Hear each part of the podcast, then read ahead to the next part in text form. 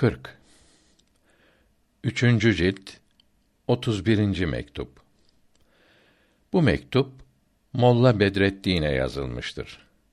Alemi ervah ve alemi misal ve alemi etsat üzerinde bilgi vermekte, kabir azabını anlatmaktadır. Allahü Teala'ya hamdolsun. Onun seçtiği, sevdiği kimselere selam olsun. Diyorsunuz ki ruh bu bedene bağlanmadan önce alemi misaldeydi. Bedenden ayrıldıktan sonra da alemi misale gidecektir. Bunun için kabir azabı alemi misalde olacaktır. Alemi misaldeki elemi, acıları rüyada duymak gibi olacaktır. Sonra bu bilginin çeşitli kolları vardır. Eğer izin verirseniz bu konuda size çok şeyler yazarım. Cevap Böyle hayaller, asılsız sözler doğru olmaktan çok uzaktır. Böyle düşüncelerin sizi doğru yoldan saptırmasından korkuyorum. Hiç vaktim yok ise de bu konuda birkaç kelime yazmak için kendimi zorlayacağım. İnsanları doğru yola kavuşturan yalnız Allahü Teala'dır. Kıymetli kardeşim, mümkinler alemini yani mahlukları üç kısma ayırmışlardır. Alemi ervah, alemi misal ve alemi etsat. Alemi misale alemi berzah da demişlerdir. Çünkü bu alem alemi ervah ile alemi etsat arasındadır. Bu alem ayna gibidir. Diğer iki alemdeki hakiki varlıklar ve manalar bu alemde latif şekillerde görünürler. Çünkü iki alemdeki her hakikate ve her manaya uygun birer şekil, heyet bu alemde bulunur. Bu alemde kendiliğinden hiçbir hakikat, hiçbir madde ve mana yoktur. Buradaki şekiller, heyetler öteki alemlerden akseden görüntülerdir. Aynada hiçbir şekil ve suret yoktur. Aynada bir şekil görünürse başka yerden gelen bir görünüştür. Alemi misal de böyledir. Bu iyi anlaşılınca deriz ki ruh bu bedene taalluk etmeden önce kendi alemindeydi. Ruh alemi alemi misalden daha üstündür. Ruh bedene taalluk edince bedene aşık olarak bu madde alemine iner. Alemi misal ile bir ilgisi yoktur. Ruh bu bedene taalluk etmeden, ilgilenmeden önce alemi misal ile ilgisi olmadığı gibi bedene olan ilgisi bittikten sonra da bu alem ile ilgisi olmaz. Şu kadar var ki Allahü Teala'nın dilediği zamanlarda ruhun bazı halleri bu alemin aynasında görünür. Ruhun hallerinin iyiliği, kötülüğü buradan anlaşılır. Keşf ve rüyalar böyle hasıl olmaktadır. İnsanın hisleri, duyguları kaybolmadan da alemi misaldeki şekilleri gördüğü çok olmuştur. Ruh bedenden ayrıldıktan sonra ulvi ise yükselir. Süfli ise alçalır. Alemi misal ile bir ilişiği olmaz. Alemi misal görünen bir alemdir. Bir varlık alemi değildir. Varlık alemleri ikidir. Alemi ervah ve alemi etsat. Yani ruh alemi ile madde alemi varlık alemidir. Bunlarda bulunan şeyler yalnız görünüş değildir. Kendileri de vardır. Alemi misalde ise hiçbir varlık yoktur. Yalnız alemi ervahta ve alemi etsatta bulunan varlıklar için bir ayna gibidir. Rüyada alemi misaldeki elem, acı, sıkıntı görünür. Bu da görenin hak ettiği azabın alemi misaldeki görüntüsünün görülmesidir. Onu gafletten uyandırmak için, kendini düzeltmesi için kendisine gösterirler. Kabir azabı rüyada alemi misaldeki görüntüleri görmek değildir. Kabir azabı rüya gibi değildir. Kabir azabı azabın görüntüsü değildir. Azabın kendisidir. Bundan başka rüyada görülen acı, azap azabın kendisidir denilse bile dünyadaki acılar azaplar gibidir. Kabir azabı ise ahiret azaplarındandır. Birbirlerine hiç benzemezler. Çünkü dünya azapları ahiret azapları yanında hiç kalır.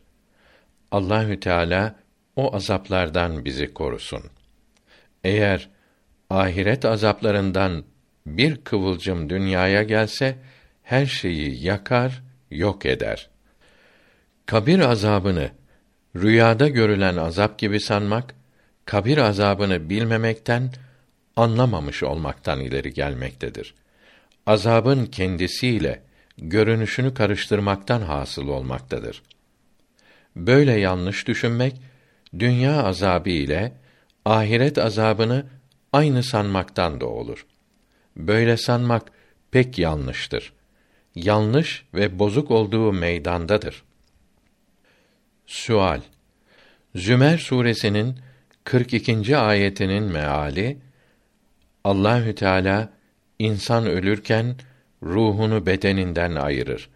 Ölmediği zaman uykuda da ruhunu ayırırdır. Bu ayet-i kerimeden anlaşılıyor ki insan ölürken ruhu ayrıldığı gibi uyurken de ayrılmaktadır.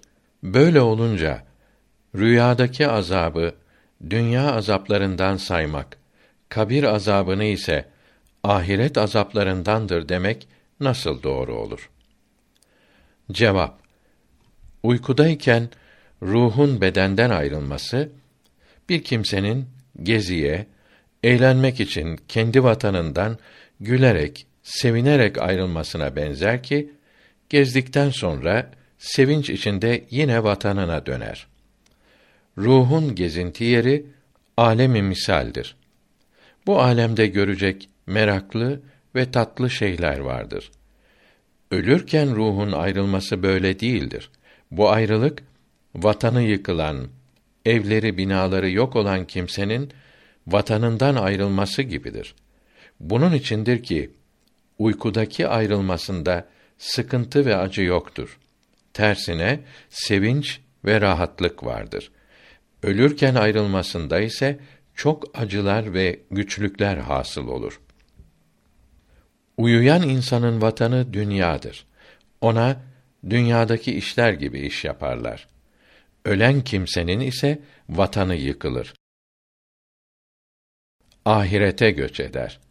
Ona ahiret işleri yaparlar.